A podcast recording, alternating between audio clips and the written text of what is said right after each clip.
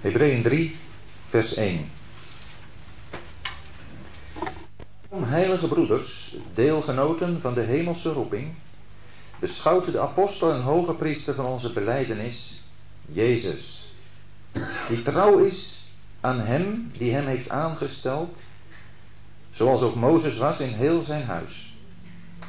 Want deze is zoveel groter heerlijkheid waard geacht dan Mozes, als hij die het huis gebouwd heeft, groter eer heeft dan het huis. Want elk huis wordt door iemand gebouwd, maar die alles heeft gebouwd is God. En Mozes was ook trouw in heel zijn huis als dienaar, tot getuigenis van het gesproken zou worden, maar Christus als zoon over zijn huis, wiens huis wij zijn, als wij de vrijmoedigheid en het roemen in de hoop tot het einde toe onwrikbaar vasthouden. Daarom, zoals de Heilige Geest zegt, heden, als u zijn stem hoort, verhard uw harten niet zoals bij de verbittering, in de dag van de verzoeking in de woestijn, waar uw vaderen mij verzochten door mij op de proef te stellen.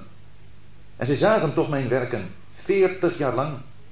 Daarom was ik vertorend op dit geslacht en zei, altijd dwalen zij met het hart, en ze hebben mijn wegen niet gekend, zodat ik zwoer in mijn toren, nooit zullen zij in mijn rust ingaan.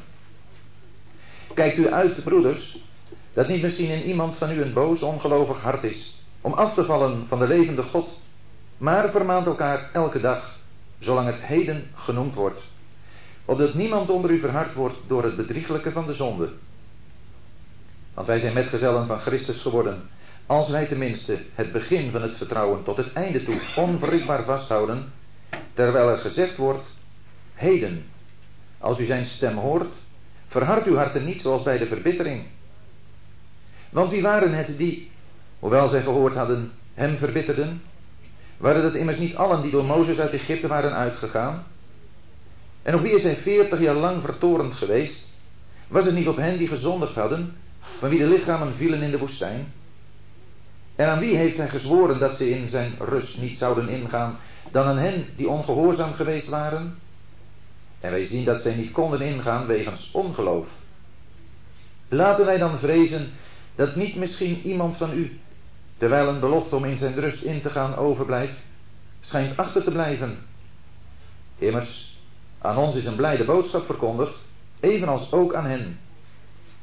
Maar het woord van de prediking bracht hun geen nut, daar zij niet verbonden waren met hen die het in het geloof hoorden. Want wij die geloofd hebben, gaan in de rust, zoals hij gezegd heeft, zodat ik zwoer in mijn toorn, nooit zullen zij in mijn rust ingaan. En toch waren zijn werken van de grondlegging van de wereld af volbracht. Want hij heeft ergens van de zevende dag al dus gezegd, en God rustte op de zevende dag van al zijn werken. En op deze plaats weer, nooit zullen zij in mijn rust ingaan. Daar dus overblijft dat sommigen haar ingaan. En zij aan wie eerst de blijde boodschap verkondigd was, niet ingegaan zijn wegens ongehoorzaamheid, stelt hij opnieuw een bepaalde dag vast. Heden. Als hij in David zo lange tijd daarna zegt, zoals de vorige gezegd is, heden, als u zijn stem hoort, verhard uw harten niet. Want als Jozua hen in de rust gebracht had, zou hij daarna niet over een andere dag gesproken hebben. Er blijft dus een sabbatsrust over voor het volk van God. Want wie in zijn rust ingaat, komt ook zelf tot rust van zijn werken, evenals God van de zijne. Laten wij ons dan beijveren in die rust in te gaan, opdat niemand valt volgens hetzelfde voorbeeld van ongehoorzaamheid. Want het woord van God is levend en krachtig en scherper dan enig tweesnijdend zwaard. En het dringt door tot verdeling van ziel en geest, zowel van gewrichten als van merg, en oordeelt de gedachten en overleggingen van het hart. En geen schepsel is voor hem onzichtbaar, maar alle dingen zijn naakt en geopend voor de ogen van hem met wie wij te doen hebben. Tot zover.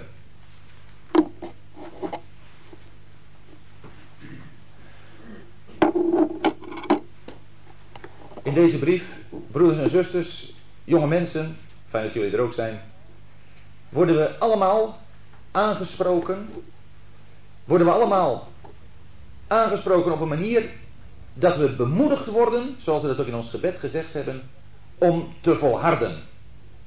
Te volharden in het gaan naar het doel wat God voor ons heeft bepaald. En dat is zijn rust. Dat is tenminste het onderwerp wat in de brief van de Hebreeën telkens opnieuw naar voren komt. En we hebben al eerder gezien dat deze brief geschreven is, naar mijn overtuiging door de apostel Paulus, aan gelovigen uit het Jodendom. Zij die in de Heer Jezus zijn gaan geloven. Terwijl ze zich toch bevonden te midden van de massa van het volk der Joden dat bleef bij de verwerping van de Zoon van God. En dat, dat bracht voor hen een, een bijzonder spanningsveld teweeg. Zij getuigden van een gelovende Heer Jezus, maar hun ongelovige volksgenoten hadden alles wat God vroeger aan hen gegeven had, nog in volle glorie in hun midden. En zij meenden ook God te dienen. Daarbij kwam, en dat vinden we verderop in de brief, dat dat smaad en vervolging teweegbracht. En naarmate dat wat zij geloofden, dat de Heer Jezus zou komen om zijn rijk op te richten, verder uitbleef, naar die mate werd het hen moeilijker om te volharden. En wat de apostel nu doet in deze brief is de harten van de gelovigen uit de Joden richten op Hem die in de hemel is. We hebben dat in hoofdstuk 2 de vorige keer gezien. Wij zien Jezus. Wel door het geloof. Maar we zien Hem. En Paulus, hij wil telkens weer het hart van deze gelovigen en ook van u en mij en ook van jou richten op Hem die je wel niet met je natuurlijke ogen ziet, maar die je mag zien met de ogen van je hart. En dat terwijl er zo ontzettend veel om je heen is, in de wereld, in de christenheid, wat je kunt zien, wat je kunt tasten, waarvan mensen zelf zeggen, joh, dit is het. En het zou je heel gemakkelijk aan het twijfelen kunnen brengen. Of je wel goed geloofd hebt. Of je wel zeker bent van je zaak. In hoofdstuk 1 heeft Paulus het hart van deze gelovigen en van u en mij willen richten op de Heer Jezus als de Zoon van God. Die gesproken heeft. God heeft zich bekendgemaakt in de Zoon. Hij heeft gesproken. In hoofdstuk 2 hebben we gezien dat de apostel Paulus onze harten richt op de Heer Jezus als de ware mens. Die nu al in de heerlijkheid is en die een volk op aarde heeft dat hij, hij die de overste leidsman is, dat hij brengen wil in diezelfde heerlijkheid waarin hij nu al is. Hij die vele zonen tot heerlijkheid wil leiden. En die vele zonen, dat zijn zij die hem, de Heer Jezus, mogen kennen als hun Heer en Heiland. Op weg naar de rust. En eigenlijk vinden we in het gedeelte dat we vanavond gelezen hebben deze twee aspecten weer terug. In hoofdstuk 3, vers 1 tot 6, daar zien we de Heer Jezus als de zoon. We hebben van hem gelezen dat hij zoon is over zijn huis. En vanaf vers 7 tot en met vers 13, waar we een tweede tussenzin in deze brief vinden, vinden we een volk op aarde onderweg naar die heerlijkheid. En dat wel in vermanende, in waarschuwende zin wordt aangesproken. En dat hebben we gelezen in hoofdstuk 2 hebben we gezien daar, zoals gezegd, waar we onszelf onderweg mogen zien naar die heerlijkheid. Hoofdstuk 2, dat heeft ons dus getoond dat er een weg te gaan is. Maar een weg die we kunnen gaan, omdat er als het ware op die weg telkens weer dat geweldige aantrekkingspunt is voor onze harten, de Heer Jezus. En in hoofdstuk 3 zegt de apostel nu. Daarom. Daarom, heilige broeders, deelgenoten van de hemelse roeping, beschouwt de apostel een hoge priester van onze beleidenis. En ook in dat apostel en hoge priesterschap van de Heer Jezus vinden we de aspecten van een God die spreekt, de apostel. God spreekt door de Heer Jezus tot ons. En ook dat wij onderweg geholpen moeten worden omdat we in zwakheid zijn. Waarbij we de Heer Jezus mogen zien als degene die ons bij God vertegenwoordigt en ons te hulp komt. Wat we verderop zullen zien. In hoofdstuk 4 aan het eind en hoofdstuk 5. Als de hoge priester die onze zwakheden kent. Dat hebben we al heel kort aangestipt gezien aan het eind van hoofdstuk 2.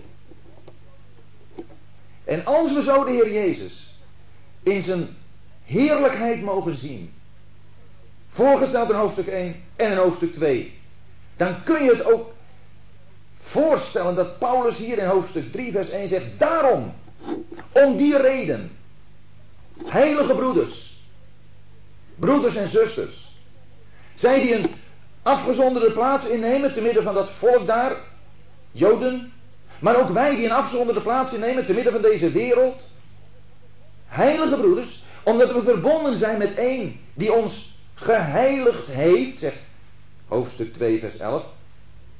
We hebben het gelezen, want en hij die heiligt en zij die geheiligd worden, zijn allen uit één, nemen dezelfde plaats, dezelfde positie voor God in. Daarom zijn wij te midden van deze wereld heilige broeders. Beschouwend. En dat woord beschouwen, dat geeft aan, kijkt aandachtig naar. Vestig daar vast je blik op. Is het niet zo dat onze problemen beginnen wanneer we niet meer op de Heer Jezus zien? Wanneer we Hem uit het oog verliezen? Als we toch gaan kijken naar de dingen om ons heen, die vaak ook nog zo aantrekkelijk zijn? Hier worden we opgeroepen, kijkt naar Hem. En we worden genoemd deelgenoten van de hemelse roeping. Hier in deze wereld zijn we heilige broeders. Wat de hemel betreft zijn we deelgenoten van een roeping die van God uit de hemel tot ons is gekomen. En ik hoop zo, we hebben er in ons gebed aan gedacht, dat ieder die hier is, weet, ik ben door God geroepen. God heeft mijn hart aan.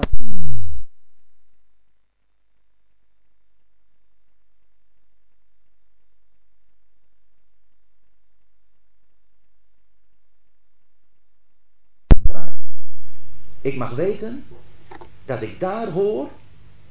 Ik ben nog wel op aarde. Maar ik hoor daar waar de Heer Jezus nu is. Daarheen ben ik op weg. Ik ben een deelgenoot van een roeping in de hemel. En dat sprak voor deze Joden des te sterker, omdat zij altijd gehoord hadden dat God hen een aardsdeel zou geven. Een roeping voor deze aarde. Zegeningen op aarde. Maar door de verwerping van de Heer Jezus was het totaal anders geworden. Maar daarmee hadden ze niets verloren. Daarmee hadden ze alleen maar geweldig veel gewonnen. En dat moeten wij, denk ik, opnieuw leren. Dat onze zegeningen niet hier op aarde liggen. En dan hebben wij heel andere motieven vaak. Dan de Joden, want die konden zich daar nog beroepen op wat God in het Oude Testament tot hen gezegd had. Maar wij, christenen, zijn vaak zo dat we de aardse zegeningen van de Joden willen hebben. Dat betekent een heerlijk en gemakkelijk leven. En de maatschappelijke situatie maakt het ons wat betreft ook heel gemakkelijk. Terwijl we ook weten, we komen in de hemel aan. Nou ja, wat is er nou nog prachtiger dan dat? Maar dan zijn we wel het wezen van ons christen zijn kwijt. Dat we niet op aarde horen. Maar dat we bij de hemel horen. En dat is het ook waarom Paulus in de brief van die Filippiërs kon zeggen: Ik acht het allemaal schade en drek wat ik hier op aarde aan winst zou kunnen hebben. Want ik ben geroepen met een hemelse roeping. En Paulus zegt: Ik jaag daarnaar. En ik hoop zo dat u en ik iets van die bezieling gaan krijgen. Daarvoor moet je best wel eens in problemen terechtkomen. En ik denk dat we allemaal wel onze problemen en moeite hebben. Dat kan zijn in ons gezin. Dat kan zijn in de maatschappij. Dat kan zijn in de christenheid, in de gemeente. We hebben daarin allemaal onze strijd te strijden. Maar de Heer wil het gebruiken om ons los te maken van alles, om ons te verbinden met Hemzelf. En Paulus zegt: kijk naar Hem. Jezus, de apostel en hoge priester van onze beleidenis. Zo beleiden wij Hem toch? Zo spreken wij over Hem, zo kennen wij Hem. Zo is het Hij, Jezus, die trouw is aan Hem die Hem heeft aangesteld. Het is zo prachtig om daar gewoon over na te denken voor jezelf. Dat de Heer Jezus trouw is. We hebben al gelezen dat Hij een barmhartig, of dan krijgen we in hoofdstuk 4, een barmhartig en trouw hoge priester is. Trouw. We hebben iemand dan op het oog die trouw is. Er is zoveel ontrouw in deze wereld. Ontrouw om ons heen. Ontrouw ook in ons eigen hart. Hier hebben we een standaard van trouw waarop je je volledig kunt verlaten. En de trouw van de Heer Jezus betreft God. Dat betekent dat hij zich volkomen vereenzelvigt met al Gods plannen. Alles wat God zich heeft voorgenomen, zal hij waarmaken. Jezus is trouw aan hem die hem heeft aangesteld. En dan krijgen we een nieuwe vergelijking. En telkens opnieuw zullen we de verbinding even moeten maken met de mensen aan wie Paulus direct schreef. En dat zijn, zoals gezegd, die gelovige Joden. Die bekend waren met die hele godsdienst van het Oude Testament. Maar er zit voor ons natuurlijk ook heel veel in wat we daarvan kunnen leren. De Heer Jezus is trouw aan hem die hem heeft aangesteld, zoals ook Mozes was in heel zijn huis. Mozes, dat was voor deze gelovige Joden ja, het toppunt van, van het kennen van God. De man die met God sprak zoals een man spreekt met zijn vriend. Mozes die alles had uitgevoerd zoals God het hem had opgedragen. Mozes was trouw. Dat is een overeenstemming. De Heer Jezus is trouw, Mozes was trouw. Maar dan krijgen we de tegenstelling. Want deze, de Heer Jezus, is zoveel groter heerlijkheid waard geacht dan Mozes, als hij die het huis gebouwd heeft, groter eer heeft dan het huis. Was het gevaar groot dat deze gelovige Joden weer teruggingen naar de wet, naar Mozes? Paulus gaat duidelijk maken, denk erom, degene met wie je verbonden bent, die is zoveel groter heerlijkheid waardig geacht dan Mozes. De Heer Jezus gaat daar ver bovenuit. Telkens weer zullen we dat zien. Hebben we al gezien hè, dat de Heer Jezus meer is dan de engelen. Hij is meer dan Jozua. Hij is meer dan Salomo. Hij is meer dan wie je ook maar kunt bedenken. En waar er mensen zijn, door God aangesteld, door God gebruikt, maar die zich zouden kunnen plaatsen tussen ons hart en God, daarvan moet God zeggen, kijk naar de Heer Jezus. Hij is de enige op wie je echt kunt bouwen, op wie je echt kunt zien, aan wie je volledig kunt toevertrouwen. Alle mensen, de meest uitnemende daaronder, is toch slechts een dienaar. Mozes was trouw in het huis van God, de tabernakel. Maar de Heer Jezus was niet trouw in het huis. De Heer Jezus was de bouwer zelf. Mozes had de tabernakel gebouwd, Exodus 40. Maar dat op aanwijzing van God. God had hem daarvoor het hele plan getoond. En uiteindelijk, Mozes was de uitvoerder van de bouw die door God zelf was bepaald. God was als het ware de architect. Die alles gebouwd heeft, is God. En we weten, dat hebben we gelezen in Hebreeën 1, dat de Heer Jezus degene is door wie God de werelden heeft gemaakt. We lezen het ook in Kolosse 1. We lezen dat in Johannes 1. Hier een extra bewijs dat de Heer Jezus God is. Maar de Heer Jezus heeft ook het huis. En dan kun je zeggen dat is het tabernakel. Je kunt ook zeggen dat is Israël in aanzijn gebracht. En dat het huis niet alleen maar is een gebouw waarin gewoond wordt, maar een huis ook is een familie van mensen. Dat zou je bijvoorbeeld kunnen opmaken uit wat tot David gezegd wordt. Tegen David wordt gezegd: Jij wil mij een huis bouwen, David. Ik zal jou een huis bouwen, David. En dat betekent zijn hele geslacht. En zo is het volk van God, het huis Israëls, te midden waarvan God woont. En het is God, het is de Heer Jezus die dat huis heeft gebouwd. En degene die een huis bouwt, heeft toch veel meer eer dan het huis. Daarom gaat hij ook Israël te boven. De Heer Jezus gaat echt alles te boven. En wat wij op aarde ook zouden kunnen bewerken. Wat wij ook zouden, ook in onze verantwoordelijkheid, zouden mogen doen voor de Heer. Laten we goed beseffen dat het uiteindelijk alleen om Hem gaat.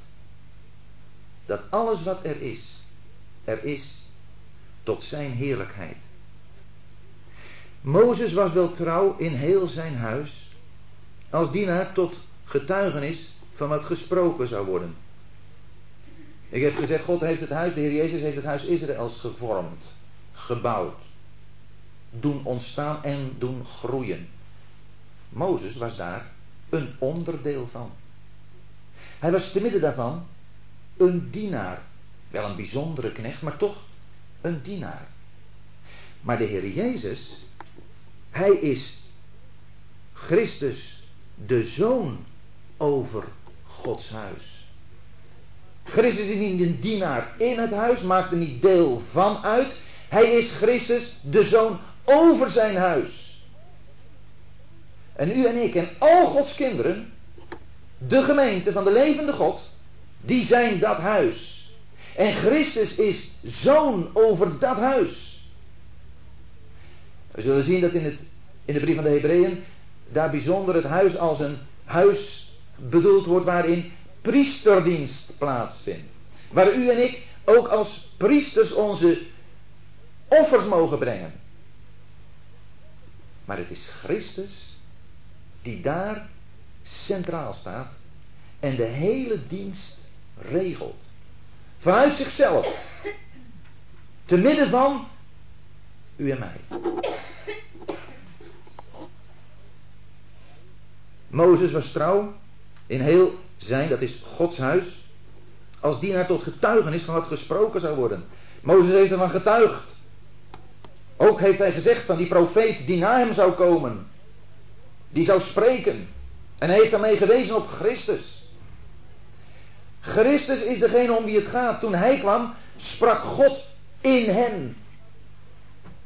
Er was, als het gaat om Christus die God is, niets waar hij weer naartoe verwees. Het ging om hem. Het kwam uit hem voort. Want uit hem en door hem en tot hem zijn alle dingen. Hij staat centraal. Te midden van het volk van God. Een volk dat door de woestijn reist. Een volk dat als een huis voor hem daar is. Waar hij zoon over is wiens huis wij zijn. Als wij de vrijmoedigheid en het roemen in de hoop tot het einde toe onwrikbaar vasthouden. O, dat woordje als. Dat woordje als, dat heeft al veel gelovigen in grote problemen gebracht. Komen we vaker tegen in de Bijbel. Als. Dan lijkt het erop alsof het toch nog van onze inspanning, van onze volharding afhangt of wij het einddoel zullen bereiken.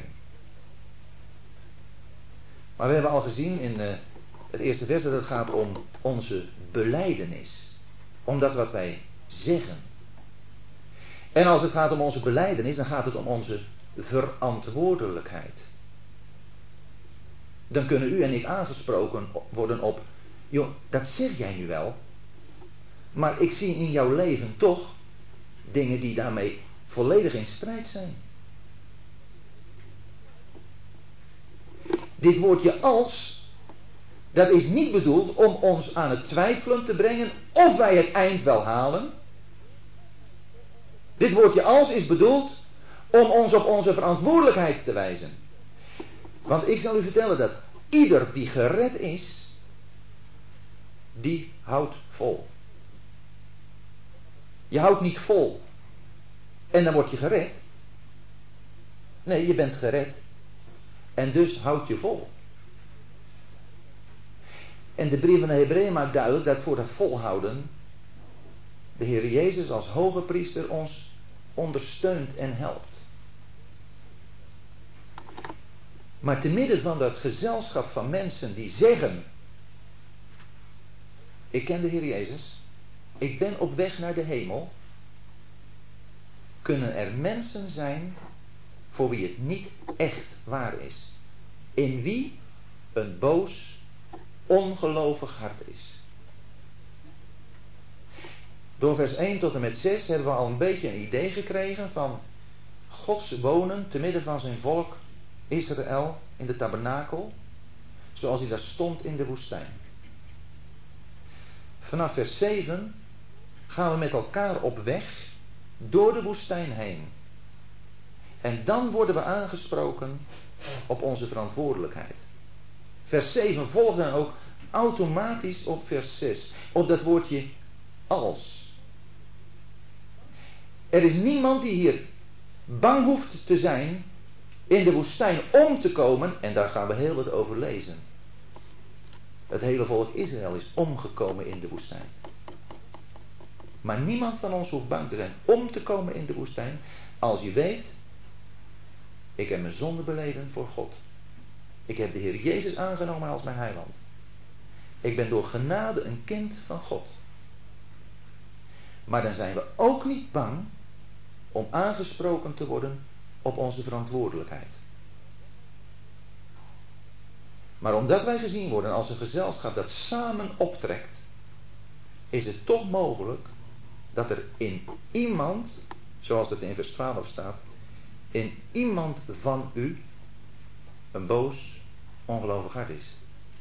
Dat er, zoals er ook te midden van de discipelen zich een Judas bevond, te midden van het gezelschap dat door de woestijn optrekt, in de beleidenis van Jezus, dat er in zo iemand toch niet het ware leven aanwezig is. En zo iemand valt een keer door de mand. Die houdt het niet vol. Iemand die niet nieuw leven heeft, die bestaat het niet dat hij het volhoudt. Want die krijgt een keer zo voor zijn kiezen dat hij afhaakt. En nu zouden de vragen kunnen opkomen.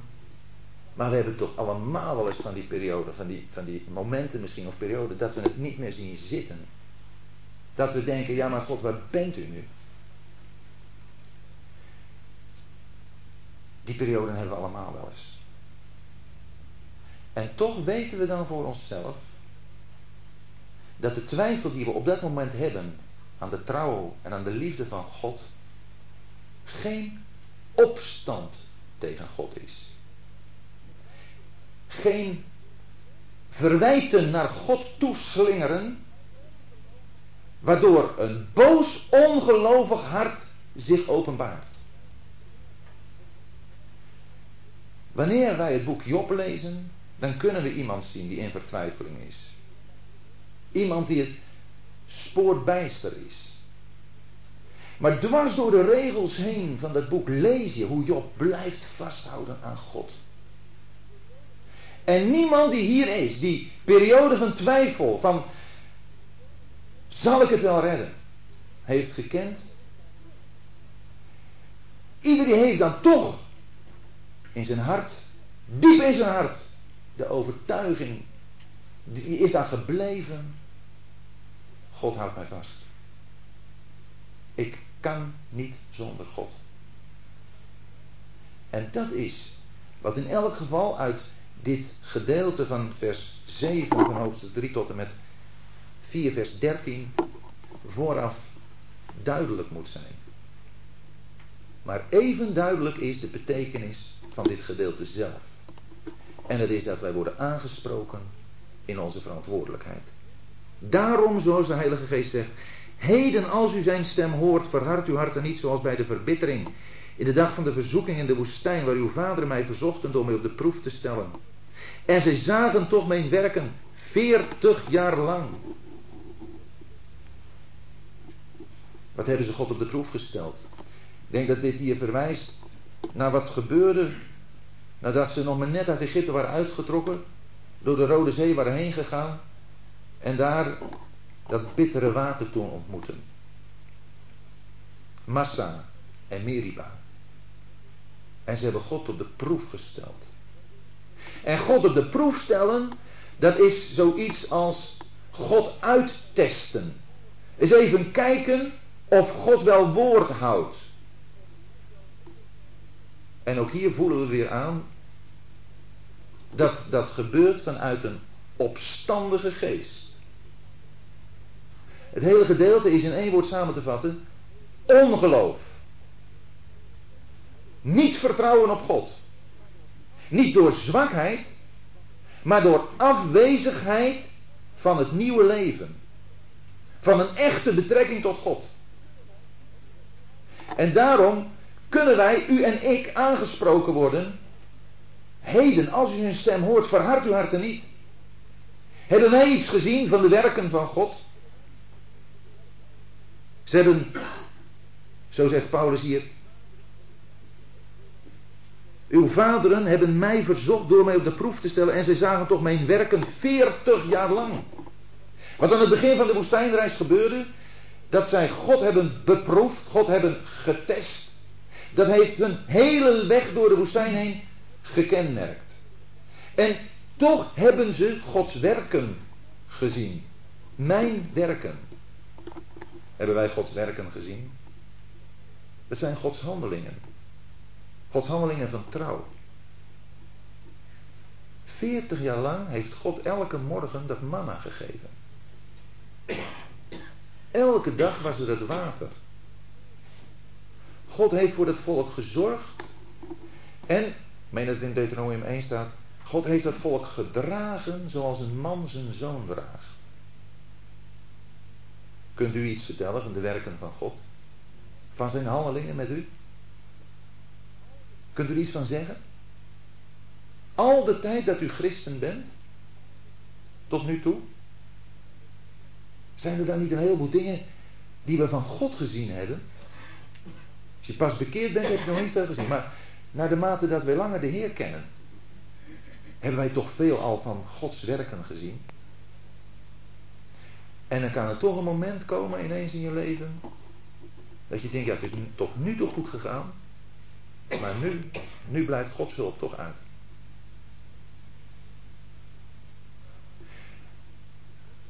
Dan gaan we toch niet aan God twijfelen.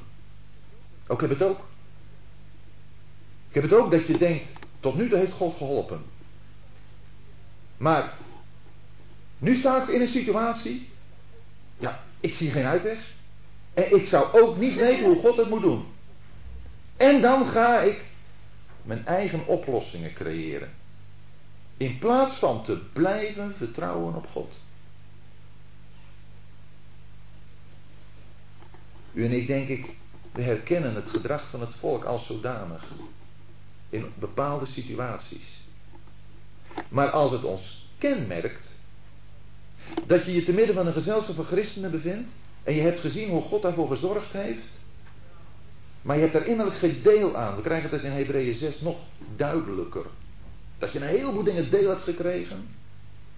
Maar dat het innerlijk geen waar is. Dan zul je merken dat er een verhard hart komt. En deze stem, deze stem van God, heden, als u zijn stem hoort, verhard uw harten niet. Hoop ik dat dat ook in de mate dat dat voor ons geldt, door ons wordt begrepen.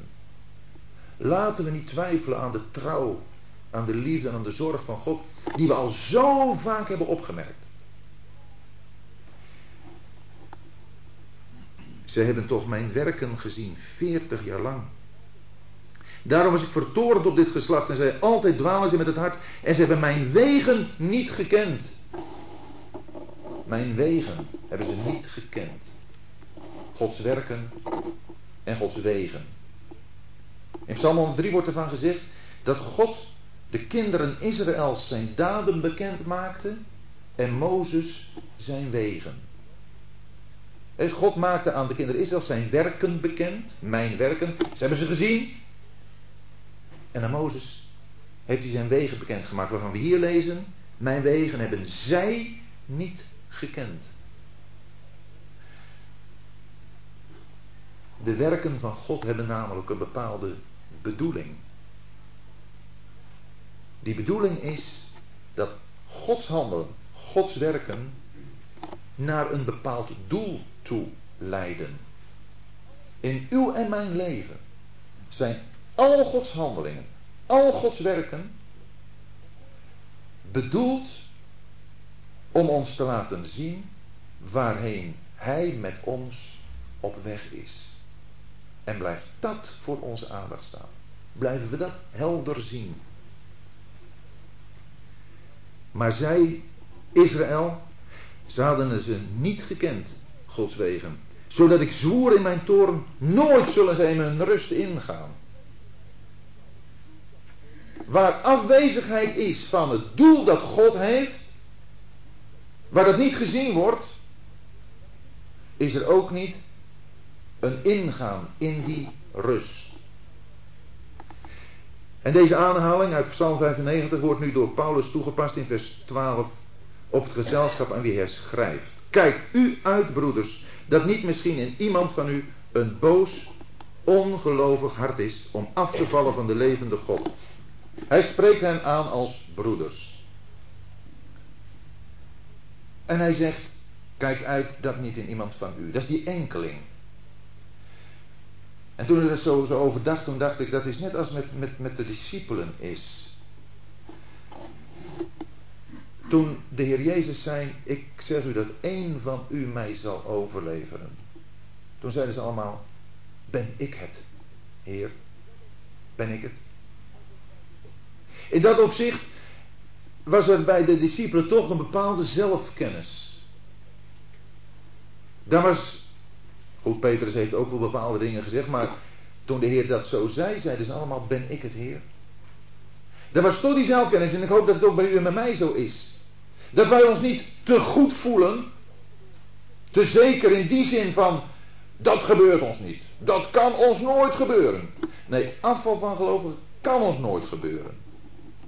En toch zullen we, als dit woord tot ons komt, zeggen: Heer, als u mij niet vasthoudt, red ik het niet. Maar juist die houding maakt duidelijk dat we van Hem afhankelijk willen zijn. In ons is geen kracht. En als er die enkeling is, op wie echt van toepassing zou, is wat hier staat, dat daar een boos, ongelovig hart is om af te vallen van de levende God, dan hoop ik dat hij zich nu nog laat waarschuwen.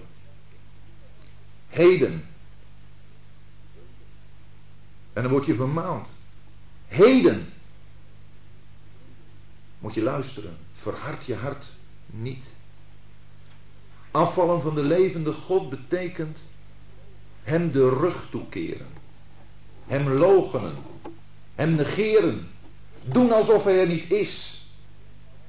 Terugkeren tot een, in dit geval, voor hen aan wie Paulus schreef, terugkeren tot de dode godsdienst. God was niet meer het middelpunt van zijn volk. De heerlijkheid van de Heer, die had de tempel al lang verlaten. En toen de Heer Jezus kwam, als het ware nieuw, de heerlijkheid van God te midden van zijn volk verscheen, hebben ze hem verworpen. Afvallen van de levende God betekent een dode godsdienst weer gaan aanhangen, waar het leven uit verdwenen is. Maar we moeten elkaar dagelijks vermanen. Elkaar dagelijks vermanen betekent dat we ook dagelijks met elkaar contact zouden moeten hebben. Anders kun je elkaar niet dagelijks vermanen. En is het ook nodig dat we elkaar dagelijks vermanen. Vermanen is nou niet zo'n geweldig geliefde bezigheid. Niet om te doen en niet om je aan je gedaan te krijgen. Maar het vermanen hier heeft toch de betekenis van elkaar bemoedigen, elkaar aansporen. Kom op, laat het er niet mee zitten. We gaan door, we gaan samen door. We hebben geloofd in één van wie we zeker weten dat hij leeft en dat hij de hemel is. En dat we bij hem zullen komen. En denk erom, we zakken niet af. We laten ons niet verleiden door terug te keren naar de situatie waaruit we gekomen zijn. Vermaant elkaar dagelijks, zolang het heden genoemd wordt, opdat niemand onder u verhard wordt door het bedriegelijke van de zonde. Tja, het bedriegelijke van de zonde. Dat is zo breed toe te passen als je het maar zou kunnen toepassen. Maar de zonde heeft iets bedriegelijks. De zonde bedriegt altijd. En dat is in de zin van dat de zonde je zo aantrekkelijk wordt voorgesteld dat je denkt, nou als ik dat doe, dan word ik daar beter van. Ik word beter van een daad die ik doe. En ik word er slechter van als ik het laat gaan. Dat is de bedriegerij. Want dan heb je niet meer het oog gericht op de Heer Jezus, maar zie je iets voor je wat je kunt grijpen, waar je hier en nu iets aan hebt. En daar zijn wij heel erg gevoelig voor. Voor het hier en nu. En het wordt ontzettend fraai verpakt. Maar laten we ons niet door het bedrieglijke van de zon om het verkeerde been zetten. Want wij zijn metgezellen van Christus geworden. Weet u, wij horen bij Hem. Metgezellen, samen met Hem. Naar het doel waar Hij nu al is. We horen hier op aarde bij Hem. Hij bij ons. En we horen in de hemel bij Hem. Wij bij Hem. Als wij tenminste het begin van het vertrouwen tot het einde toe onwrikbaar vasthouden. Weer het woordje als. En nog een keer. Wij houden vast als we gered zijn. Dat is een bewijs ervan dat we gered zijn. Maar het gaat te midden van dat gezelschap van pelgrims. Het gaat om die enkeling te midden van dat gezelschap. Om die te waarschuwen. Denk erom. Een alleen uiterlijke beleidenis brengt je niet aan het eind. En laten wij het begin van het vertrouwen toch vasthouden. Want al weten we dan voor onszelf dat we er wel bij horen dan kunnen wij ook wankelmoedig worden. Dan kunnen wij ook ons vertrouwen op God zo weinig inhoud geven soms. En wanneer moet dat vertrouwen inhoud gegeven worden? Ja, juist in situaties waarin we niets meer hebben om op te steunen, waar wij greep op hebben. En of dat nu je banksaldo is, of je voorraad in huis, of de plannen die je maakt voor jezelf. En waarbij je denkt, mijn gezondheid, die zal het ook wel redden. De echte afhankelijkheid van de Heer, het echte vertrouwen op Hem. Dat komt tot uiting in situaties waarin steun in jezelf of om je heen wegvalt. Zolang er in ons leven geen problemen zijn, is het heel gemakkelijk te zeggen met de Heer, joh, ga ik dwars door alles heen. En met mijn God spring ik over een muur. Dat is makkelijk praten. Nee, maar je moet maar, net zoals David, omringd zijn door een bende boosdoeners. Je moet maar problemen hebben die hoog zijn als de bergen. Dan komt het erop aan. Laten we het begin van het vertrouwen dan vasthouden. En dat vind ik toch wel erg mooi, dat we telkens weer terug verwezen worden naar het begin. En in dat opzicht mogen wij ook wel terugdenken aan het eerste contact met de Heer Jezus, het echte levende contact, toen we ons aan Hem toevertrouwden. Waarom hebben we dat gedaan? Weet u dat nog? Weet jij dat nog? Waarom je je hebt toevertrouwd aan Hem? Dat was toch omdat je het zelf niet kon? Dat was toch omdat je wist dat je jezelf niet kon redden?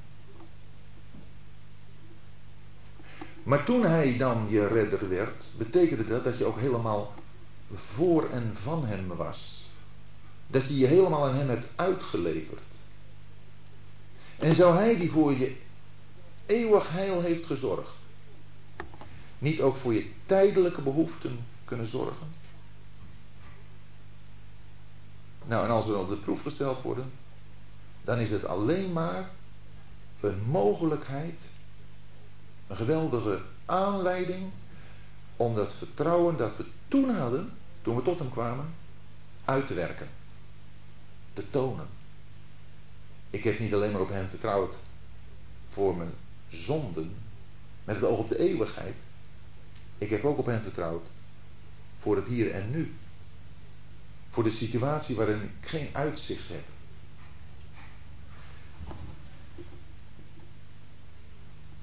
Terwijl er gezegd wordt, heden als u zijn stem hoort, verhard uw harten niet zoals bij de verbittering. En dan komen er in vers 16 tot en met 19 een drietal vragen die verwijzen naar de geschiedenis van Israël in de woestijn. Want wie waren het die, hoewel zij gehoord hadden hem ver...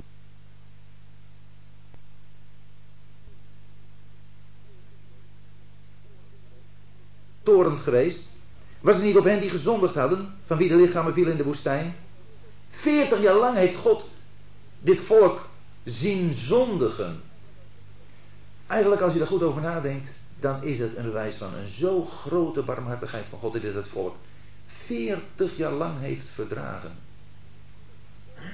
Maar God kon met dat volk de rust niet ingaan. Omdat God niet kan rusten waar zonde is. Daar moet hij oordelen. En wie heeft hij gezworen dat zij in zijn rust niet zouden ingaan dan hen die ongehoorzaam geweest waren? Ongehoorzaamheid. Dat is die opstand tegen God. Het niet luisteren naar hem. Hem maar laten praten. Als je iets uh, aan je kinderen vraagt en ze doen het niet. En je merkt dat het bewuste ongehoorzaamheid is dan doet dat verschrikkelijk pijn. Wat moet dit God pijn gedaan hebben? En hij heeft, zoals gezegd, 40 jaar lang hen zijn werken getoond. En 40 jaar lang heeft hij hun antwoord daarop gezien. Een antwoord van ongehoorzaamheid. Zelfs tot, tot vlak voor het land nog. Toen God zei, jullie moeten er niet in gaan. En ze het toch nog weer probeerden. Het is een volk geweest dat pure ongehoorzaamheid 40 jaar lang heeft getoond. En wij zien dat ze niet konden ingaan wegens ongeloof. Dat heeft de grens voor hen gesloten gehouden. Ongeloof. En mag ik het zo toepassen? Hoe komt het dat wij zo weinig echt ingaan in de dingen van de Heer Jezus? Zo echt ons daar thuis voelen, rust kennen in de omgang met Hem. Rust voelen in het besef dat Hij in ons leven met ons meegaat. Juist als het tot grote moeilijkheden komt, grote problemen geeft. In, in welke omstandigheid ook.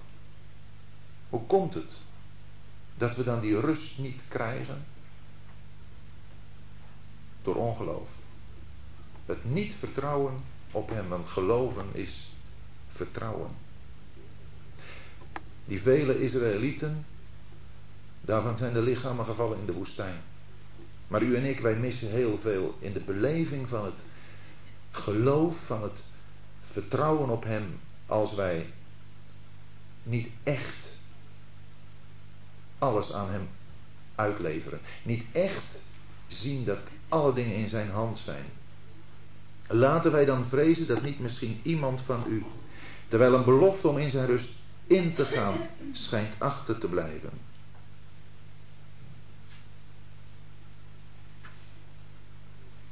Laten wij dan vrezen. Ook hier gaat het er weer niet om dat zij die gered zijn, bang moeten zijn dat ze er niet komen. Dat vrezen heeft hier te maken weer met het zien op jezelf. Wie van ons voelt zich zo sterk dat hij kan zeggen, maar ik kom er. En daarmee bedoelt, ik red het wel op eigen kracht. Dat kan niemand van ons zeggen. Als we naar onszelf kijken, dan vrezen we dat we het niet halen. Maar als we weten dat we verbonden zijn met de Heer Jezus in de hemel. Als we echt, zoals we gelezen hebben in hoofdstuk 3, vers 1, Hem beschouwen, dan komen we er wel. Maar laten we elkaar ook daarin bemoedigen. Laten we toch erop toezien dat er niemand achterblijft. Want ook aan ons is een blijde boodschap verkondigd, evenals ook aan hen. Maar het woord van de prediking bracht hun geen nut, daar zij niet verbonden waren met hen die het in het geloof hoorden. Mozes heeft gepredikt. De Heer Jezus heeft gepredikt. Tot ons wordt gepredikt. Een evangelie, een blijde boodschap. Maar het heeft pas effect als het verbonden is met geloof. Of, zoals het hier staat, verbonden is met hen die in het geloof hoorden. Het gaat om dat gezelschap. Weet u, u en ik, we hebben elkaar zo hard nodig. We kunnen niet zo langs elkaar heen leven. We zijn ook niet individuen, enkelingen op weg naar de heerlijkheid. We hebben elkaar nodig. Ieder met zijn eigen achtergrond, dat maakt niets uit. Maar we hebben elkaar nodig. Schouder aan schouder te staan. Elkaar te bemoedigen. Elkaar erop te wijzen. En dan merk je dan voel je dat als je ziet dat er in mensen geloof aanwezig is, dat het je bemoedigt. Als je in mensen een vertrouwen op God ziet, in het leven van elke dag, dan zie je een God die het waard is te vertrouwen. Want de God van mijn medebroeder en zuster is ook mijn God. Een God die ik ook in mijn situatie mag vertrouwen. Israëlieten in die tijd, zij kwamen niet in het land, niet in de rust, omdat, het, omdat zij zich niet verbonden met hen die in het geloof gehoord hadden. Zij verbonden zich niet met Jozua en Caleb. Die hadden geloofd wat God had gezegd. God had gezegd, ik geef het jullie. En ze hadden daar een geweldig fijn bericht over het land, hadden ze laten horen. En die tien andere verspieders, zij hadden een kwaad gerucht van het goede land verspreid. En dat kwade gerucht had zijn verschrikkelijk werk gedaan onder het hele volk. En het hele volk was daardoor omgekomen. Omdat ze zich niet hadden verbonden met hen die in het geloof hadden gehoord. En daarom is ook het van belang met u, met wie u en ik ons verbinden. Is het echt met hen die in het geloof horen? Broeders en zusters, jonge mensen, dan kunnen we samen verder. En dan zullen we samen dat einddoel bereiken. Want wij, zegt vers 3, die geloofd hebben gaan in de rust. Zoals hij gezegd heeft, zodat ik zwoer aan mijn toren, nooit zullen zij in mijn rust ingaan. Dat lijkt een tegenstelling, maar ik denk dat het de bedoeling is te zeggen, kijk, zoals zij door ongeloof nooit in Gods rust konden ingaan, op diezelfde wijze gaan zij die wel geloven, wel in Gods rust. En die rust, dat is iets wat al vanaf de grondlegging van de wereld duidelijk werd. Een rust van God. Zijn werken waren van de grondlegging van de wereld af volbracht. Want hij heeft ergens van de zevende dag al dus gezegd, en God rust op de zevende dag van al zijn werken. In Genesis 1 en 2 vind je het doel van God met deze schepping. En dat is dat er een rust zal komen. En ik denk dat u en ik, en zeker naar de mate dat wij onze strijd hebben. Nog eens, het kan zijn in ons gezin. Wat een verdriet kan er zijn, wat een pijn. Het kan zijn in de wereld, in de maatschappij. Wat kunnen er veel dingen op ons afkomen waar je over worstelt. Het kan zijn in de christenheid, waar je ook zoveel pijn kunt hebben. Zouden we niet allemaal verlangen naar die rust? Die rust in deze schepping. Het heeft allemaal te maken met onze tekorten, met ons falen, met onze zwakheden. Omdat wij het allemaal zo, zo moeilijk kunnen maken voor onszelf en voor elkaar. Maar brengt het dan ook bij u en mij die hunkering naar die rust? Dat was Gods bedoeling. Daarom heeft hij gerust toen zijn werken volbracht waren. Ach, die rust in de schepping is verstoord geworden door de zonde. We weten het. Johannes 5 vers 17 zegt de Jezus, mijn vader werkt tot nu toe. En ik werk ook. Dat komt door de zonde. Maar dat betekent niet dat Gods doel, een rust voor deze schepping, daarmee uit het oog verloren is door God. Nee, er blijft in vers 5, en op deze plaats weer nooit zullen zij mijn rust ingaan. Daar blijft dus over dat sommigen haar ingaan. En zij aan wie eerst de blijde boodschap verkondigd was, zijn niet ingegaan wegens ongeloof. Stelt u opnieuw een bepaalde dag vast, heden. Als u in David zo lange tijd daarna zegt, zoals tevoren gezegd is, heden als u zijn stem hoort, verhard uw harten niet. Want als Jozua hen in de rust gebracht had, zou hij daarna niet over een andere dag gesproken hebben. Bij de schepping, daar is de zonde gekomen. Toen heeft God zijn volk in het land gebracht. Jozua bracht hen in het land. Was dat de rust? Ach, het boek Richteren volgde. Wat een onrust. Wat een zonde keer op keer. Als Jozua hen in de rust gebracht had, had David later niet gezegd: Heden, als u zijn stem hoort, verhard uw hart niet. Daar had hij niet gesproken van een andere rust. Salomo, dat was de man van rust. Een prachtige uitdrukking, zo wordt Salomo genoemd. Hij was tenslotte de vredekoning. En toch, ook David en Salomo hebben niet de beloofde rust aangebracht.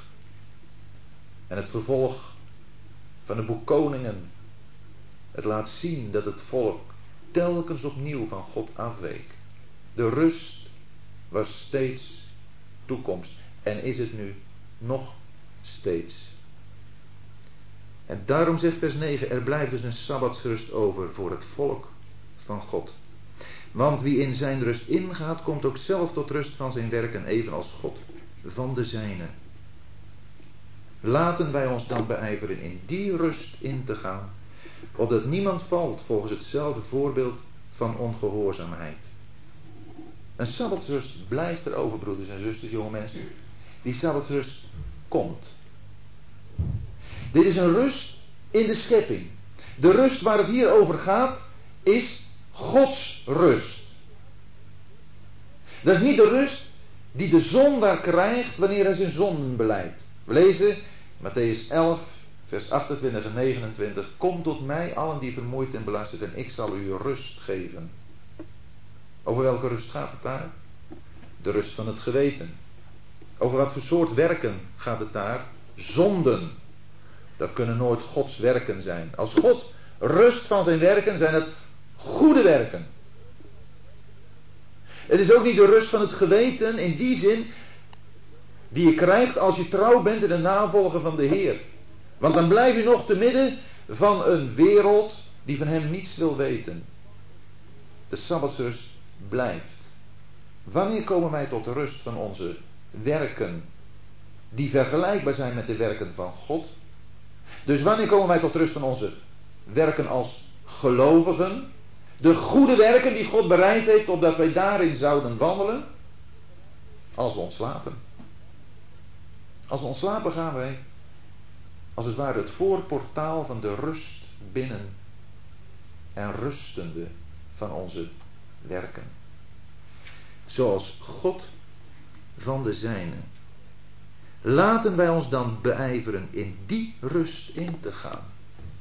Weet u, dat kan natuurlijk nooit betekenen een aansporing voor de zondaar zich te beijveren om die rust van God binnen te gaan. Want voor je behoudenis kun je niets doen. We worden niet gerechtvaardigd. We krijgen geen rust op grond van onze werken. Wij krijgen slechts rust op grond van geloof in de Heer Jezus. Op grond van beleidenis van onze zonden. En wanneer die rust er is, in ons hart en in ons geweten, dan merken we dat hier op aarde de rust niet is, maar dat die toekomstig is. Maar dan kunnen we hier op aarde wel werken doen. Zoals de Heer Jezus gezegd heeft, mijn vader werkt tot nu toe en ik werk ook.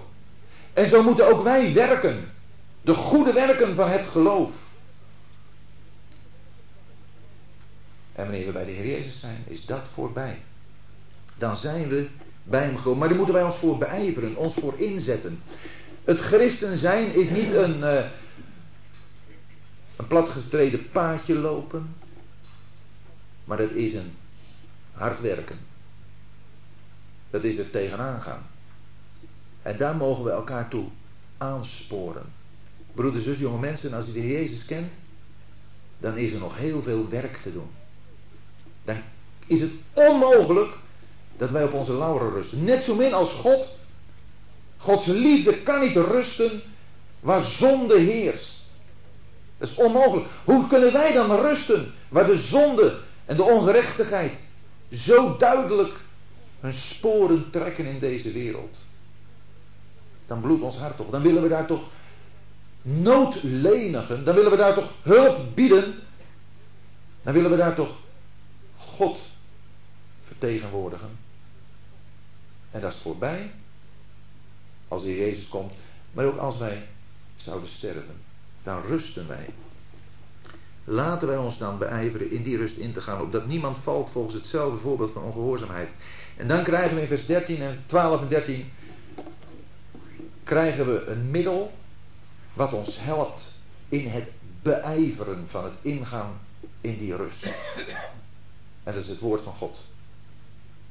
We krijgen, dat hopen we de volgende keer te zien, nog twee andere middelen die ons ondersteunen in het beijveren. En dat is het hoge priesterschap van de Heer Jezus en de troon van de genade waar we toe mogen treden.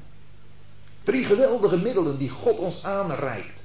Opdat wij verder kunnen gaan. Opdat we ons kunnen beijveren, kunnen inzetten. Om die rust te bereiken. Het woord van God als eerste. En als afsluiting van deze avond. Want het woord van God is levend en krachtig en scherper dan enig tweesnijdend zwaard. Dat woord. O broeders en zus, jonge mensen. Ik hoop dat je het leest. En leest. En leest. En dat je de levende kracht ervan ondergaat. Dat je maar niet zomaar eens even hier en daar een vers leest, omdat uh, dat nu één keer uh, toch niet verkeerd is. Maar dat je weet, het is lijfsbehoud. Het geeft je kracht. Het is Gods levend woord. Het zijn geen dode woorden. Het zijn geen holle woorden. Het zijn krachtige woorden. Het werkt iets uit. Het staat geloof ik in de brief van de Thessalonikers. Gods woord dat ook werkt in u die gelooft. Doet het woord van God nog iets in ons? Wanneer lezen we het woord? Zijn we er echt mee bezig? Of nee, kan het woord van God echt met ons bezig zijn? Want het woord van God, dat maakt een rachscherpe scheiding. Want het is een nog scherper dan enig tweesnijdend zwaard. Wat verdeling maakt tussen ziel en geest. De ziel, zo wordt meestal aangenomen, wordt algemeen aangenomen, is de zetel van de gevoelens, van de lusten. En de geest is dat waarmee je overleg pleegt. En het woord van God maakt duidelijk of wij handelen puur vanuit onze gevoelens, of dat wij handelen vanuit geestelijk inzicht. Ik heb het in het begin gezegd, meen ik. We leven in een christenheid waar steeds meer het gevoel de norm wordt. Als ik het maar goed voel, dan zal het wel goed zijn. Maar het gevoel is vaak een grote misleider. Het woord van God maakt duidelijk hoe onze weg moet zijn, waarin wij ons kunnen beijveren. En het dringt door ook tot verdelen van gewrichten als van merg. Dat zijn meer de uiterlijke dingen die wij doen. Gewrichten, dat is waarmee wij onze handelingen verrichten en het merg is wat daarvoor de kracht geeft. Ziel en geest zijn het niet-materiële deel van de mens, om zo te zeggen. Gewrichten en merg vormen meer het materiële deel van de mens. En ik denk dat hiermee de totale mens voor ons komt, waarvoor het woord van God van het grootste belang is om het daarop toe te passen. Heeft Gods woord echt over elk aspect van ons wezen, innerlijk, geestelijk en uiterlijk, lichamelijk, zijn effect, zijn beslag? Bestuurt het ons denken en ons handelen? En het oordeelt de gedachten en overleggingen van het hart. En het is het hart wat het centrum is van ons hele wezen. Dat woord, dat oordeelt alles wat er in ons hart is. Het hart, daaruit zijn de uitgangen van het leven. Alles wat er in ons denken opkomt, alles wat er uit onze handelingen blijkt, komt voort uit het hart. En daarom moeten we het woord lezen. Ja, ik, ik zeg het toch maar zo. Moeten we het woord lezen? Er is niemand hier die de wandel als christen op aarde tot een goed einde kan brengen zonder het woord. En daar moeten we met elkaar goed van overtuigd zijn. Het woord alleen. En in vers 13 wordt er van het woord vloeiend overgegaan naar de Heer Jezus, naar God zelf. En geen schepsel, en daar staat er niet, is voor het woord onzichtbaar, maar en geen schepsel is voor hem onzichtbaar. Maar alle dingen zijn naakt en geopend voor de ogen van hem met wie wij te doen hebben. Als je het woord leest, dan kom je onder het oog van de alziende, alwetende, alles doorgrondende God. Dat is niet iets om bang voor te worden, maar dat is iets om ongelooflijk blij voor te zijn. Want ik hoop dat u ook wenst dat alles open en bloot voor hem is. Voor God is het al naakt en geopend. Het woord hoeft voor hem niets duidelijk te maken. Hij weet wel wat er in onze harten en in onze levens is. Maar het woord maakt het duidelijk voor onszelf. U en ik hebben dat nodig als, de richtsnoer, als het richtsnoer voor ons leven. Als de drijfveer, de toets daarvan voor onze handelingen. En wat heeft God ons in dat woord? Een geweldig middel gegeven. Ik hoop zo dat u en ik met vernieuwde verlangens dat woord gaan lezen, op onszelf toepassen. Opdat we ook samen daar de kracht van zullen ondervinden om voort te gaan. Dwars door alle beproevingen en moeilijkheden heen. Tot we bij Hem zijn. Die nu door ons gezien mag worden. De apostel en hoge priester van onze beleidenis. Jezus. En ook nog een mondeling.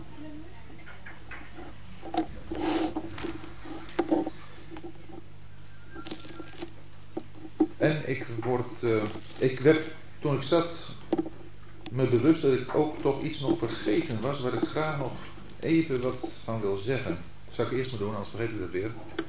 En het is dat met de rust van God in het algemeen bedoeld wordt de rust van het duizendjarig vrederijk op aarde. Want ik dacht dat ik het toch een beetje te veel beperkt had tot uh, het ontslapen van de gelovigen of het uh, de komst van de Heer Jezus, dat we dan rusten van onze werken. Maar de rust van God zoals die bedoeld wordt hier in de brief van de Hebreeën in het algemeen en in dit gedeelte wat we vanavond voor ons hadden in het bijzonder, die is toch te vinden wanneer het duizendjarig vrederijk op aarde een werkelijkheid wordt. Dan is de rust van God aangebroken en zal zijn volk op aarde die aardse rust hebben en zijn hemels volk een hemelse rust en hemel en aarde zullen met elkaar in verbinding staan.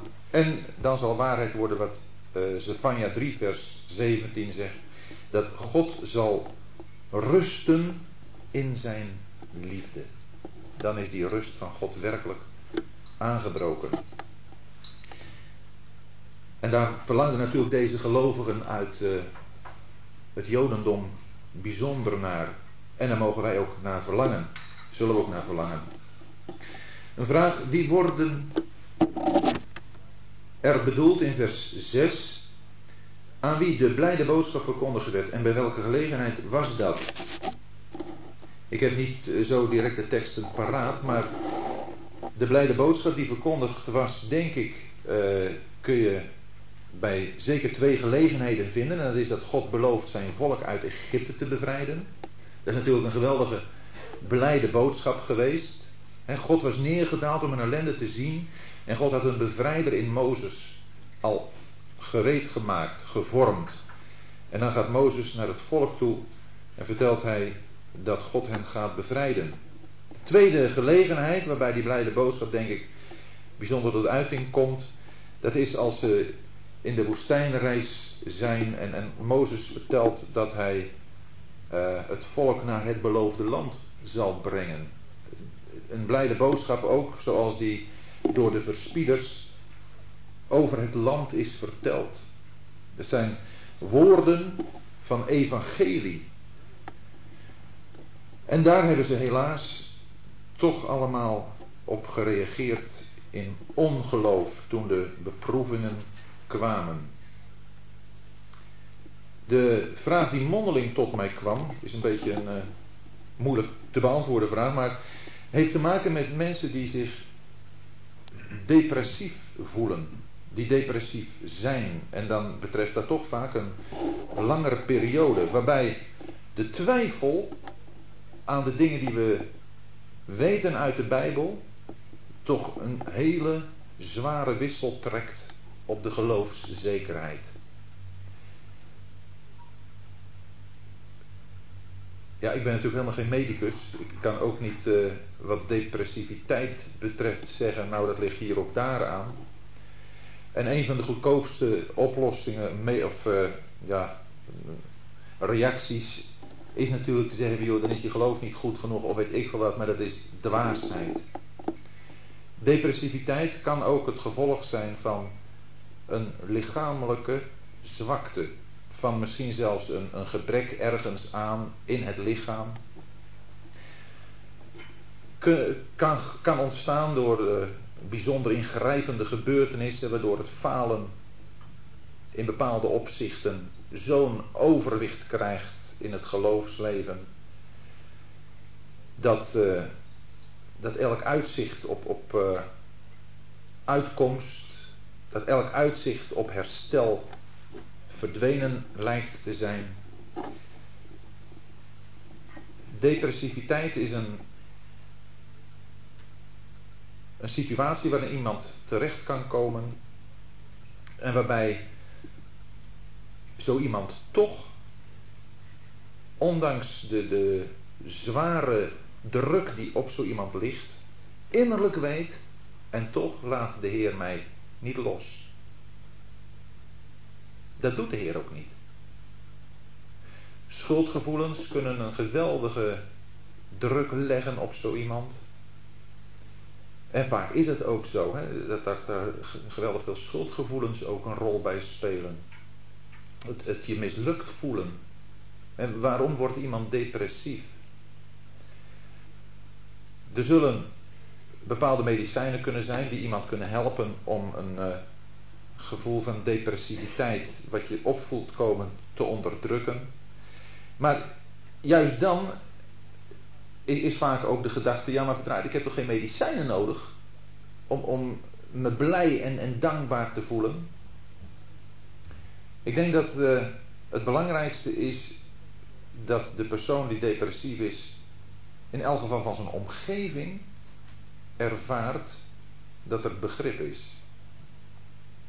En dat waar hij of zij God als het ware een beetje schemerachtig gaat zien of soms helemaal achter de wolken ziet verdwijnen.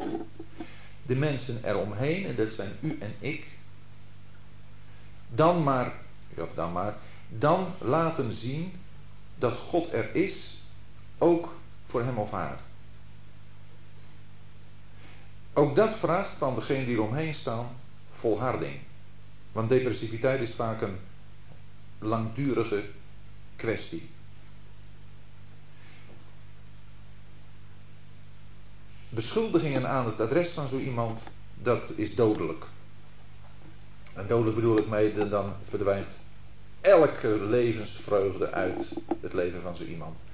Maar wanneer u en ik, als we in de nabijheid, en dat betreft zeker de, de partner, de man, de vrouw, uh, degene die in de nabijheid van zo iemand leeft, daar wordt ook een enorme uh, boel begrip van verwacht. En dat, dat is ook op te brengen, denk ik, met de hulp van de Heer. Waardoor de partner en degene eromheen ja, Gods middelen zijn om zo iemand die depressief is te ondersteunen en, en, en verder te dragen. Er is best wel eens het probleem van uh, dat iemand die depressief is dingen doet waarvoor hij wel verantwoordelijk is en ook gehouden moet worden. Ja, het zijn verschrikkelijk moeilijke dingen. Ik, zeg gewoon maar een paar uh, dingen die, die ik dan een klein beetje denk van, ja, zo zou je ermee kunnen omgaan. Maar ieder die met een, een depressief iemand te maken heeft, die, die zal zich moeten realiseren, waar komt het door en hoe kan ik die persoon het beste helpen. Maar depressiviteit, dat is niet iets waarvan we moeten zeggen van joh, dat is uh, je eigen schuld en, en dat hoeft helemaal niet. Want dat is vaak niet aan de orde. Het gaat erom dat we zo iemand helpen. En juist de brief aan de Hebreeën maakt zo geweldig veel indruk op mij, ook daarin, dat we elkaar moeten bemoedigen, elkaar moeten ondersteunen. Want waarom hebben we elkaar nodig? Als wij, en, en nu, breid ik het een beetje uit naar algemene zwakheden. En als man in het algemeen, en misschien voor mij in bijzonder, moet je leren dat, dat je best wel eens iets uh, van je zwakheden uh, mag laten zien. Want je bent niet iemand die alles kan hebben. Niemand kan alles hebben. He, er wordt tegen iemand aangekeken, zo van de buitenkant. En het lijkt voor de buitenkant allemaal prima te gaan. Maar een heleboel gaat niet prima. En allemaal hebben we onze moeiten. En naar de mate dat je vertrouwelijk met iemand bent, kun je daar dus ook iets over meedelen. Er is niemand hier van ijzer en staal die zo het geloofsleven beleeft. Van jongens, nou, we, redden het met.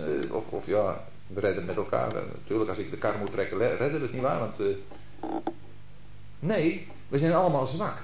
Ieder van ons is zwak. En laten we het zo zeggen dan: de een is nog iets zwakker dan de ander. Want we zijn het allemaal. En de een zit soms wat dieper in de put dan de ander. En wat langer in de put dan de ander. En dat is nou het geweldige van deze brief. Dat we allemaal zwak zijn. Als het gaat om de weg door deze woestijn. En geen van ons haalt het eind zonder de hulp van de Heer Jezus. En zonder de hulp van de broeders en zusters. En dat bedoel ik het heel algemeen. Je broeders en zusters. Je medegelovigen. Allen die metgezellen van Christus zijn. Nou, en, en ja, daarin hebben we elkaar juist nodig.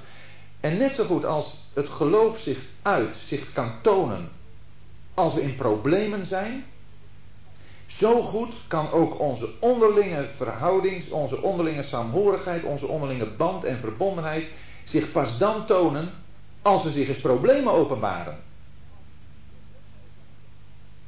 Dan wordt gezien wat we waard zijn voor elkaar.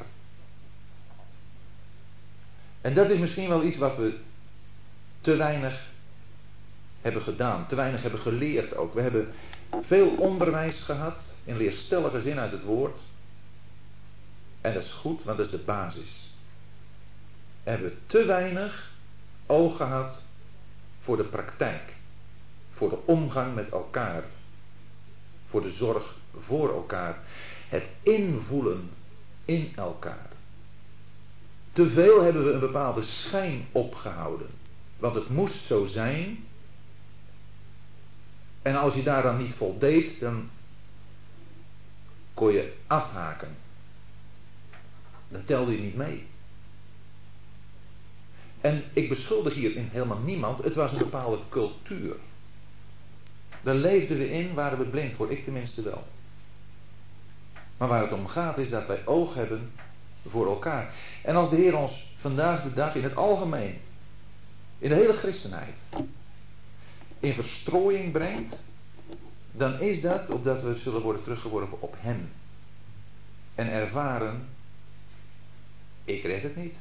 Ik ben zwak. Al mijn inspanningen zijn nog niets uitgelopen. En we hebben elkaar nodig om door te gaan. We hebben elkaar nodig om elkaar te bemoedigen. Ik u en u mij. We kunnen niet zonder elkaar. En nog eens, de een is gewoon wat zwakker dan de ander. Daar gaat het in deze brief om. Niemand van ons is sterk. Nou, en, en als we dat denk ik wat proberen te, te realiseren, dan zullen we zien, en, en dat is toch ook de ervaring, dat waar je met elkaar, en dan zeg ik het een beetje negatiever dan het is, maar in de put zit, samen in de put zit, dat je elkaar ook kunt helpen om er weer wat uit te komen.